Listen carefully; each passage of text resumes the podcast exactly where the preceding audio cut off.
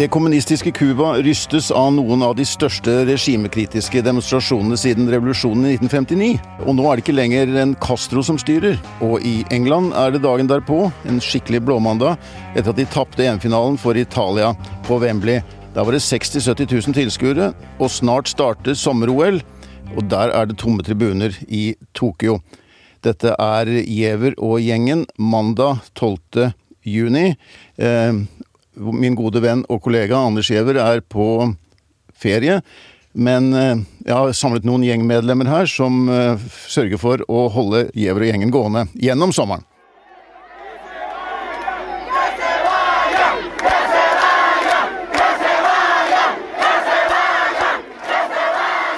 Det vi hører her, er ikke fra Wembley i London, men fra Havanna i Cuba. Ole Kristian eh, Strøm, min kollega her i VG. Du, eh, jeg må si at akkurat denne nyheten fra Havanna eh, kom litt overraskende på meg i dag, med disse store demonstrasjonene. Burde jeg være overrasket?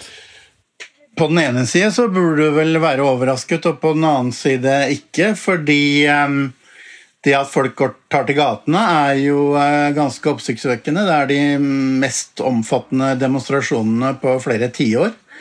Eh, samtidig så vet vi at eh, cubanerne, våre venner, har trøbbel for tida. Ja, Hva består det i? Det handler vel både om at både staten og folks flest lommebøker begynner å bli temmelig bunnskrapte. Det har vært et økonomisk og politisk vanstyre over mange år. Og i tillegg så har det jo da vært eh, de veldig omfattende sanksjonene fra amerikanerne som ble ytterligere eh, forsterka under Trumps styre. Så det er et eh, land i økonomisk eh, krise. Og så er det jo også sånn at koronaen rammer ganske hardt også på Cuba. Eh, og Cuba er jo et land vi vet som har sendt helsearbeidere rundt om i verden for å løse kriser i andre land. Eh, hvordan håndterer de koronaen selv? De eh, sliter. De har, folk er bl.a. misfornøyd med hvor fort det går med vaksineringa. I tillegg så har jo Cuba Det kommunistiske Cuba har jo et, et veldig godt utbygd helsevesen, og det tærer på det nå som det er blitt eh, stadig flere koronasmitta. Og det er vel nå oppe i godt over 230 000 alt i alt som har blitt smitta på Cuba av landets 11 millioner innbyggere. Trine Saugestad Hatlen, du er også med her i studio, og du er jo i hvert fall sånn mentalt halvt spansk, sånn som jeg tenker det på, veldig latinamerikansk, eh, med opphold, lange opphold i Latin-Amerika, og også besøk på Cuba. Eh, hvordan reagerte du på den, disse nyhetene fra Cuba? Um, nei, altså jeg blir egentlig veldig glad for å se at eh, folket nå endelig tør å gjøre noe og gå ut i gatene. Det er veldig Jeg har sittet og sett på mye livefeeder og bilder på, i arkivene nå og se at de, at de, tør å gå ut og liksom eh, protestere. Så det er, eh, det er jo på en måte veldig gledelig. Så er jeg veldig spent på fortsettelsen her nå, for det, altså politiet på Cuba er jo kan jo være ganske brutale, og de har ekstremt Altså, jeg leste sånn New York Times-reportasje en gang hvor det var en mann som ble tatt for å stjele to mangoer, og han fikk 15 år i fengsel. Eh, så eh, det er jo liksom Det er en ganske stor risiko de tar ved å gå ut i gatene, men det er også veldig på tide, da, at, eh, at de får sin vår. ja, har, altså, det har jo vært bemerkelsesverdig stabilt på mange måter på Cuba. Ja, vi hadde invasjonen i Grisebukta for 60 år siden, er det nå blitt. Det har vært perioder hvor det har vært Men det har vært veldig lite liksom offentlige sånne misprotester, altså i stor stil i hvert fall. Og nå ser du i demonstrasjonene her, så har jeg sett sånne bilder av folk som snakker, som roper med et fritt Cuba, Cuba Libre, og det er, og det er de til og med slagordet 'Yes we can', som Obama tok i bruk i 2008. Um, det virker som at det, noe av i hvert fall det som har utløst det, er sosiale medier, bruken av sosiale medier. Og den er vel også nå utbredt på Cuba? Ja, det, det, er noe ganske nytt. Jeg var der eh, tre uker sommeren 2016, og da eh, var det, ble jeg veldig overraska over hvor vanskelig det var å komme seg på internett der. Og folk Det var bare de unge som på en måte klarte å komme seg på internett. Og jeg husker at man måtte kjøpe seg et sånn skrapekort på noen utvalgte butikker, og så kjøpte man et skrapekort som var kjempedyr, altså det kosta nesten en månedslønn for en cubaner å kjøpe et skrapekort som ga deg tilgang til internett i en halvtime. Og så måtte du ta med deg det skrapekortet til en spesiell, la oss si at her i Oslo så kunne det kanskje vært eh, på Spikersuppa, da. At akkurat der var det internett. Og da kom liksom Der, der sto det Hver gang du gikk forbi en sånn torg eller plass, så sto det 300 ungdommer med hver sin mobiltelefon og liksom kikka på internett. Uh, og så var det ikke noe internett i resten av byen, da, bortsett fra tre sånne hotspots kanskje i, uh, i byen. Uh, og nå har jeg forstått det som om det skjedde store ting i 2018 som gjorde at veldig mange flere har fått tilgang til internett. Ikke bare i Havanna, men i resten av landet også. Og da får de jo på en måte Da blir jo verden seende helt annerledes ut for den vanlige cubaneren. Når den plutselig får med seg ting, som, ting hvordan det er i resten av verden, og hvordan man kan kommunisere fritt med hverandre jeg regner med at det sikkert er noen restriksjoner fortsatt. Eh, sånn, de har kanskje ikke Snapchat, men de, har, eh, de, kan bruke WhatsApp, sånn at de kan på en måte mobilisere via eh, sosiale medier. Da. Og det, er jo, det, er, det, er, det i seg selv er jo en revolusjon. Altså en, en, en, grunn til kontinuiteten på Cuba, Ole Christian, er jo også dette at du har hatt Først hadde du Fidel Castro, så hadde du hans bror Raúl Castro, som styrte landet. Men nå har de jo ikke lenger noen Castro ved makten. De har en Diaz eh, Canel, som er ny president, og også leder for kommunistpartiet. Ehm, de har mistet sin eh, nære allierte Sovjetunionen for lenge siden. Eh, forholdet til USA har gått litt opp og ned. Er det, er det noe som, som, tyder på at dette kan være en overgang til noe annet? Altså at, at det virkelig kan bli en cubansk vår ut av dette? Det tror jeg er altfor tidlig å si. Vi vet vel bl.a. lite om eh, hvor godt opposisjonen er organisert. Men det som er helt klart, er at eh, dagens styre på Cuba sliter med at de ikke har den samme legitimitet som, som brødrene Castro, som, sant, som var de opprinnelige revolusjonære. De som styrer i dag, blir mer sett på uh, som partipamper som er mest opptatt av å sikre sin egen luksus og sin egen framtid. Og så ligger det jo bak her at det, det nære forholdet til USA, rent, rent geografisk, veldig nært, men, men så mange uh, eksilcubanere i USA eh, som er veldig engasjert i hva som skjer i hjemlandet. Eh, amerikanske regjeringer har tatt forskjellige holdninger til Cuba opp gjennom tiden. Obama startet jo en oppmykning, en slags normalisering i forhold til Cuba, mens under Trump så ble det skritt tilbake igjen. Um, Trine, hvordan opplever cubanerne, sånn som du opplever det, forholdet til USA? Er det et fiendebilde, eller er det noe de eh, lar seg inspirere av eller skremmes av? Hmm, ja, det er vanskelig å svare på, syns jeg. De fleste, altså de aller fleste cubanerne Nå bodde jeg Jeg reiste stort sett rundt og bodde hjemme hos eh, vanlige folk som leide ut et rom i bakgården eller noe sånt.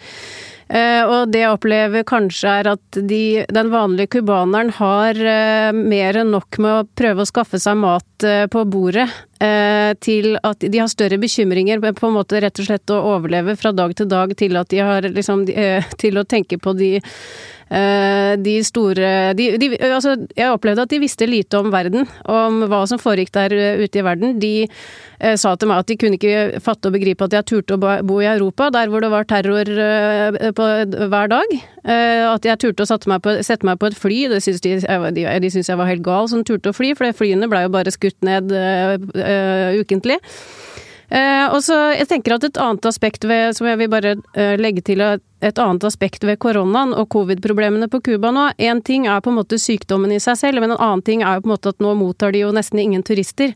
Eh, og den aller største delen av eh, Eller veldig mange mennesker på Cuba lever jo nettopp av turistene sine, så jeg tror det er på en måte med på å eskalere konfliktnivået også, da. At de, nå har de ikke de har, eh, veldig mange av de lever av på en måte enten å kjøre rundt på turister, eller la turister bo hjemme hos seg, eller selge ting til turistene, eller hjelpe turistene på gata. Altså det, er liksom, det er det som på en måte er veldig mange av cubanernes viktigste inntektskilde. Så jeg tror det er en, også en viktig del å, som har vært med på å liksom føre oss dit de er nå, da. Ja, de, Regimet legger jo noe ansvaret for, på USA for, eller mye ansvaret for USA på at det i det hele tatt har vært demonstrasjoner nå, mener de er inspirert av USA osv. Og, så og det som i hvert fall er helt sikkert, eh, Ole Kristian, er vel at de, de, som da faktisk demonstrerer, eh, og de utsetter seg jo for ganske harde reaksjoner fra myndighetene. De risikerer i hvert fall å gjøre det. De utsetter seg helt klart for en eh, risiko. Det er klare brudd på menneskerettighetene på Cuba. Men um, akkurat til nå, i, i, forbindelse med disse demonstrasjonene her, så har det faktisk vært ganske rolig. Det har vært en del som er blitt pågrepet, men ikke veldig mange. Og politiet har ikke, opp, ikke opptrådt veldig veldig voldelig. Eh, så vi får se videre hva som, hva som skjer hvis det skulle utarte å bli større demonstrasjoner enn det vi har sett det nå? Det er ikke så ofte vi eh, har Cuba som tema her i Gjevrøy-gjengen, men nå skal vi over på et tema som vi har snakket mye om de siste dagene, og som det snakkes mye om i Europa i dag.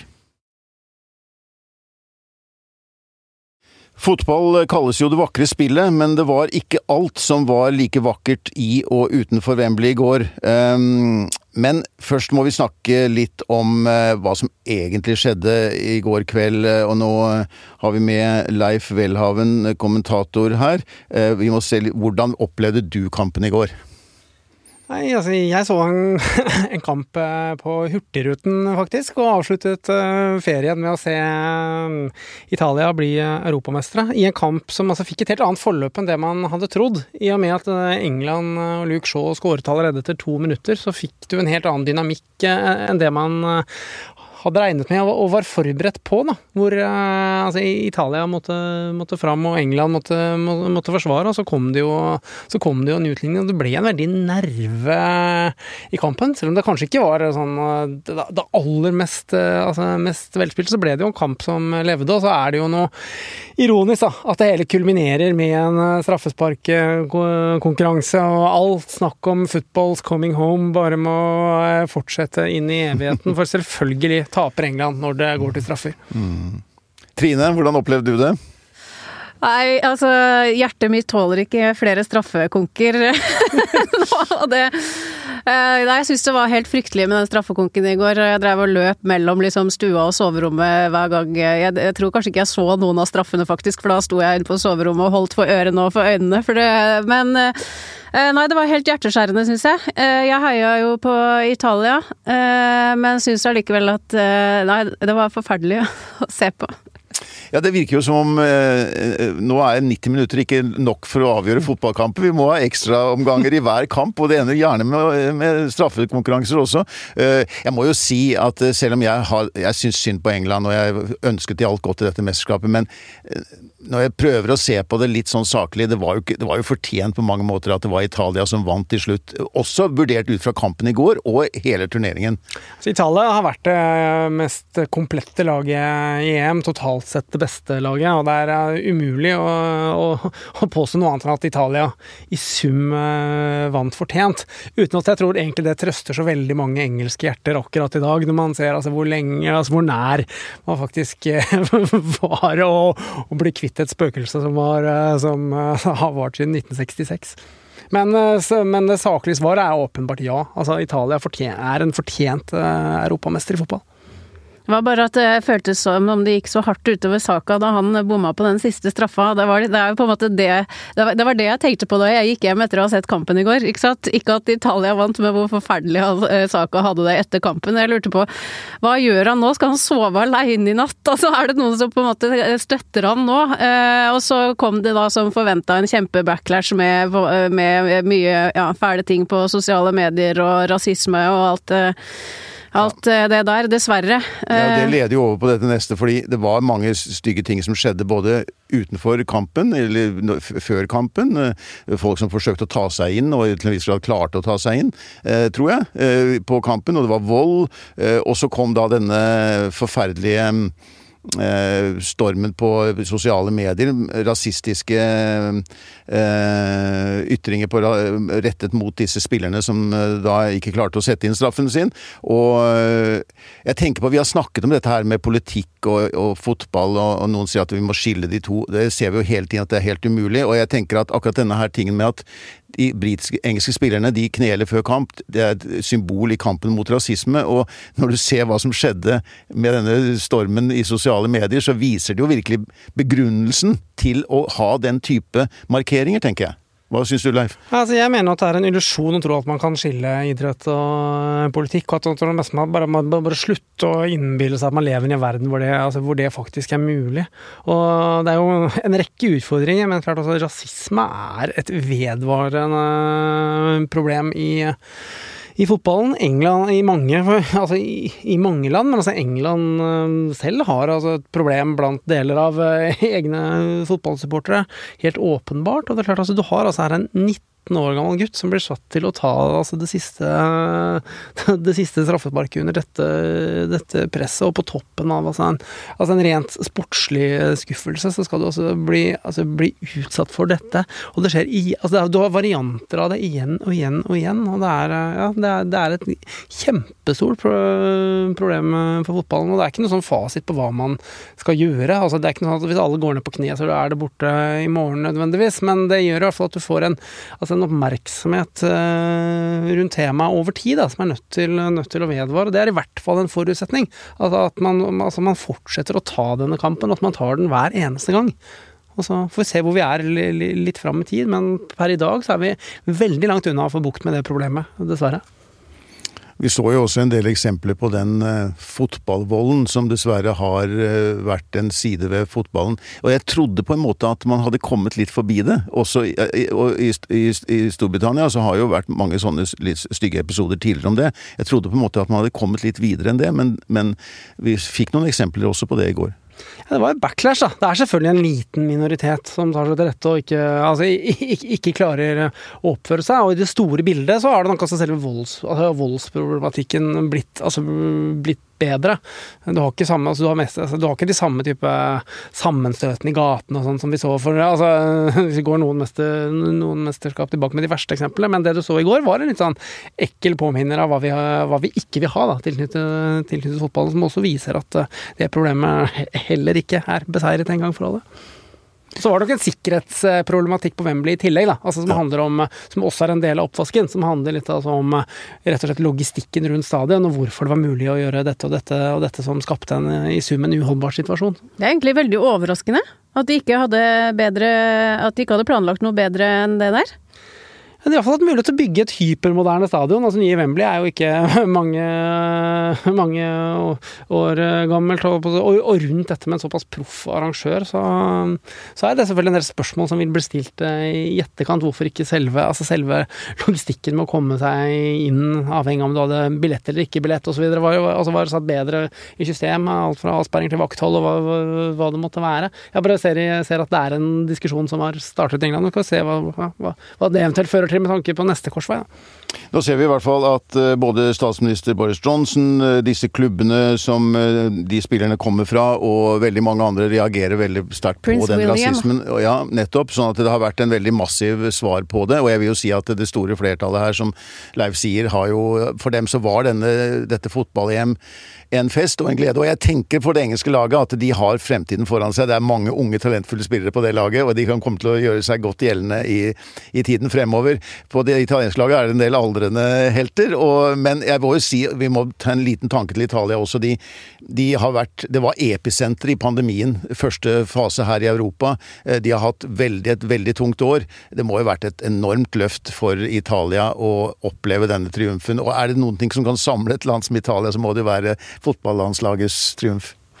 Ja, det har jo vært en folkefest som har vært veldig etterlengtet for veldig mange etter en, etter en uh, tung tid. Og så kan man jo selvfølgelig ha ulike oppfatninger om fornuften i å stimle sammen uh, så mange titusener av mennesker utendørs uh, utenfor, utenfor arenaene som det man har gjort. Både hva gjelder EM og for så vidt også Copa America, som også er nylig, er nylig avsluttet med tanke på at pandemien ikke er ordentlig beseiret ennå. men det, er spørsmålet hvor mye man skal henge seg opp i den siden. Da, sett opp mot at for veldig mange så har det vært en veldig sånn etterlengtet å, å slippe, å, å slippe løs i en tid hvor i hvert fall flere er vaksinert i mange land enn det, enn det, man var. Men det er en vanskelig problemstilling.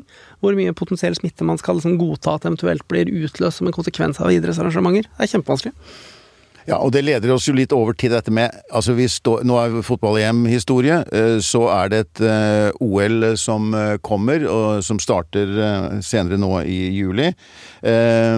og i motsetning til Vi så jo på Wembley, så var det jo 60 000-70 000 tilskuere. Det var uh, fullsatte plasser i London hvor dette ble vist. Det var trengsel overalt. Veldig få tiltak, koronatiltak. Jeg, klarte ikke å se noen omtrent som hadde munnbind eller noen form for beskyttelse. Og så beveger vi oss altså fokus til Tokyo, hvor de ikke kommer til å være tilskuere på arenaene i byen. Til tross for Altså, i Tokyo, eh, sist jeg sjekket, så tror jeg de hadde 700 smittetilfeller eller noe sånt nå i døgnet. De har ligget på 600-700 i en by med en, en, svær, en megaby som Tokyo er. Ehm, de har vært langt mindre hardt de har ikke vært rammet på noen måte like hardt som Storbritannia av pandemien, men der er det et helt annet regime de følger. Eh, hva er det som forklarer disse forskjellene? Altså en forskjell er jo at eh, altså ja, det er lavere smittetall eh, i Japan, men Japan har vært veldig sene i vaksineringen. Så du har en mye lavere andel av befolkningen som er eh, vaksinert Japan enn i Storbritannia f.eks. Og så er det også noe med, altså, rammestrukturen strukturen på hva det er som skal skje. Da. Altså Et OL inneholder da cirka, hva er det, ca. 11 000 utøvere og x antall tusen ulike varianter av støtteapper osv. fra et par hundre land som alle skal reise til samme sted, og de ulike landene har jo kommet veldig, altså veldig forskjellig ut, altså ut i eh, pandemien. Og det har jo sånn fra medisinsk hold i Japan vært en enorm skepsis til å gjennomføre dette, og meningsmålingene i Japan er jevnt over veldig lite OL-vennlige. OL Så det, nok, det, ligger nok også litt politikk i, altså i, dette med tanke på å skulle berolige befolkningen av at risikoen for at, å gjennomføre et så gigant arrangement skal medføre økt smittetrykk på befolkningen, at den skal få minimeres eh, så mye som mulig. Og vi som faktisk skal reise dit, eh, er jo forelagt oss et smittevernregime som er omtrent så ekstremt som det er mulig, eh, mulig å forestille seg. Og de mener at du skal få til en trygg boble, vi får nå se. Men altså, du kan si veldig mye om antidemokratiske organisasjonen IOC, men er det én ting de er gode på? Tradisjonelt sett så er det jo logistikk, vanligvis. Så vi får så vi får nå se. Men det er nok ganske andre Det er noen forutsetninger som er ganske forskjellige i år, da, sett opp mot, eh, sett opp mot uh, EM. Selv om noen også handler om, om et valg. Altså hvor mye skal du våge å slippe løs? Men for Japan så må jo på mange måter dette eh, OL ha blitt nesten et mareritt. Altså jeg husker jeg har vært i Japan tidligere. De snakket om det forrige OL på 60-tallet som en veldig flott hendelse i landets historie, etterkrigshistorie. Og de bygget bl.a. deler av det der fantastiske høyhastighetstognettet Shinkansen den gangen, og det var liksom en kilde til stolthet, men nå, nå, i fjor så lot seg ikke gjøre å arrangere det. I år har det vært usikkert om det kunne arrangeres. Nå blir det uten eh, tilskuere. Eh, økonomisk sett så må det være et eh, forferdelig tapsprosjekt, selvfølgelig. Men Og det blir jo det blir et veldig annerledes OL. Det gjør det, og det er Japan som er den store taperen. Det er Japan som tar risikoen. Det er Japan som blir sittende som alltid. Så er det arrangøren som blir sittende med regningen og svarteper. Mens altså for IOC så handler dette veldig langt på vei om å sikre TV-avtaler. Og det, altså milliardsummen i TV-avtalen er jo sånn den økonomiske motoren i et helt olympisk økosystem som drypper utover på alle bauger og kanter. og Det er derfor det har vært så viktig for IOC å få gjennomført dette, koste altså bokstavelig talt koste hva det, hva, hva det koste ville. da, og Så vil jo dette dessverre sannsynligvis altså følge seg inn i historien av enda en variant av olympiske leker hvor uh, arrangøren sitter tilbake med uh, kostnadene og ettervirkningene etter at sirkuset har reist og forbereder seg det neste uh, sted. og hadde det, hadde det ikke vært så mye penger investert i dette, så spørs det om det hadde blitt gjennomført. Men det er klart det er så mye som er bygget, så mye som er investert, så mye prestisje i det også, at det virker Altså, nå er det jo new state of emergency i Japan, men det er liksom ikke et tenkelig scenario engang som hadde liksom kunnet gjøre at det ikke blir, at det ikke blir, ikke blir OL. Så. Og dit skal vi, du, Leif. Med et state of emergency. da får vi håpe at det blir i hvert fall en del fine sportslige prestasjoner å glede seg over, også norske. Var, er, noe du skal følge med på, Trine? Du, skal du følge like intenst med på OL som du gjorde på EM? Eh, nei, det tror jeg ikke jeg har tid til. EM har tatt altfor mye tid nå. eh, og ikke minst eh, for lommeboka sin del. Jeg har eh, vært eh, altfor mye ute på bar og sett på fotball nå under EM, så det blir ikke så, eh, så mye. Men litt. Ja, og noen norske høydepunkter kan vi kanskje også håpe at vi kan få i løpet av det mesterskapet. Det, blir, det starter allerede nå i 23. juli. Er åpnings åpningen av Tokyo-OL. Men vi skal avslutte denne episoden i Giæver og gjengen. Men vi kommer tilbake igjen i morgen. Eh, her i, i studio så har Trine Saugestad Hatlen vært med. Leif Welhaven. Eh, Ole Kristian Strøm var med eh, fra sitt hjemmestudio. Jeg heter Per Olav Ødegaard, og Christian Konglund er vår vaktsjef, produsent og teknisk ansvarlig.